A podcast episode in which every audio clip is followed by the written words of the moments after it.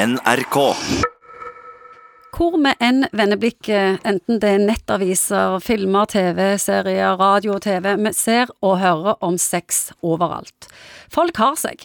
Hele tida, både før og etter jobb, med kollegaer og nyter porno, sex selger. Men så har du de som ikke finnes interessert i sex. De aseksuelle. Morten Munkvik, la oss snakke om de.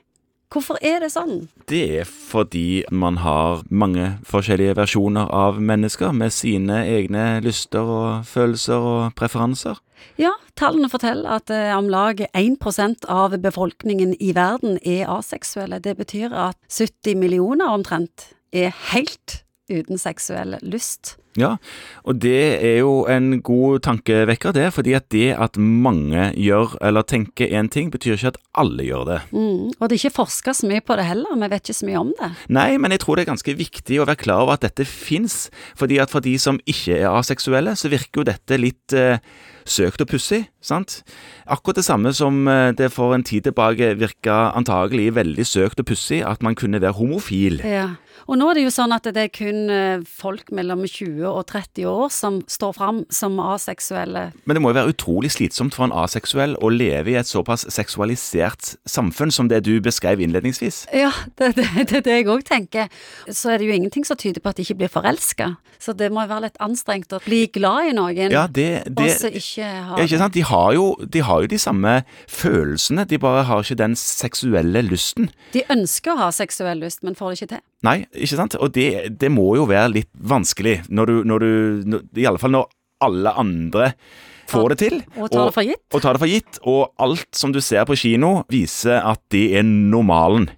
Er det noe en burde å bli frisk av, eller kan det bare få være sånn? Nei, det må jo bare få lov å være sånn. Altså, man må, man må slutte i, generelt å tenke at alle må behandles til å bli like alle andre. Ja, for det er jo ikke definert som en sykdom.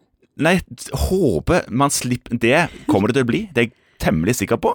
Fordi det er den veien alt går nå. Alt skal bli en sykdom, og grunnen er at da skal man kunne behandle det, og da er det med penger i det. Er det kanskje mer en legning? Ja, Nei, ja, jeg tror ikke du skal kalle det en legning, for det er knytta mest opp til hvem man får følelser overfor, og her er det Her har de jo følelser.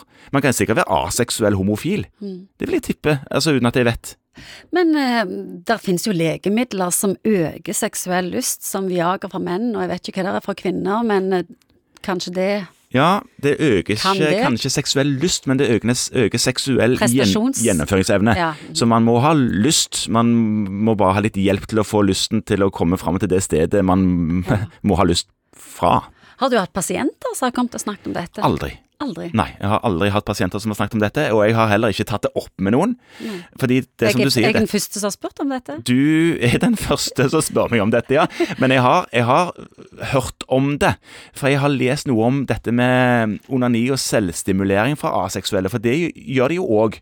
Men det er ikke knytta opp til sexen. Det er bare knytta opp til eh, prosedyren, nærmest. At det er en behagelig ting å gjøre, men det har ikke noe med egentlig sex å gjøre. Så aseksuelle onanerer? Ja. Så det kan det gjøre? Det, det, dette kan jeg jo i- i veldig lite om, men det, det så vidt jeg har forstått, så er det noe som, som er vanlig for en aseksuell, men ikke opp mot sex, egentlig. Det er mer opp mot følelsen og prosedyren. Ja.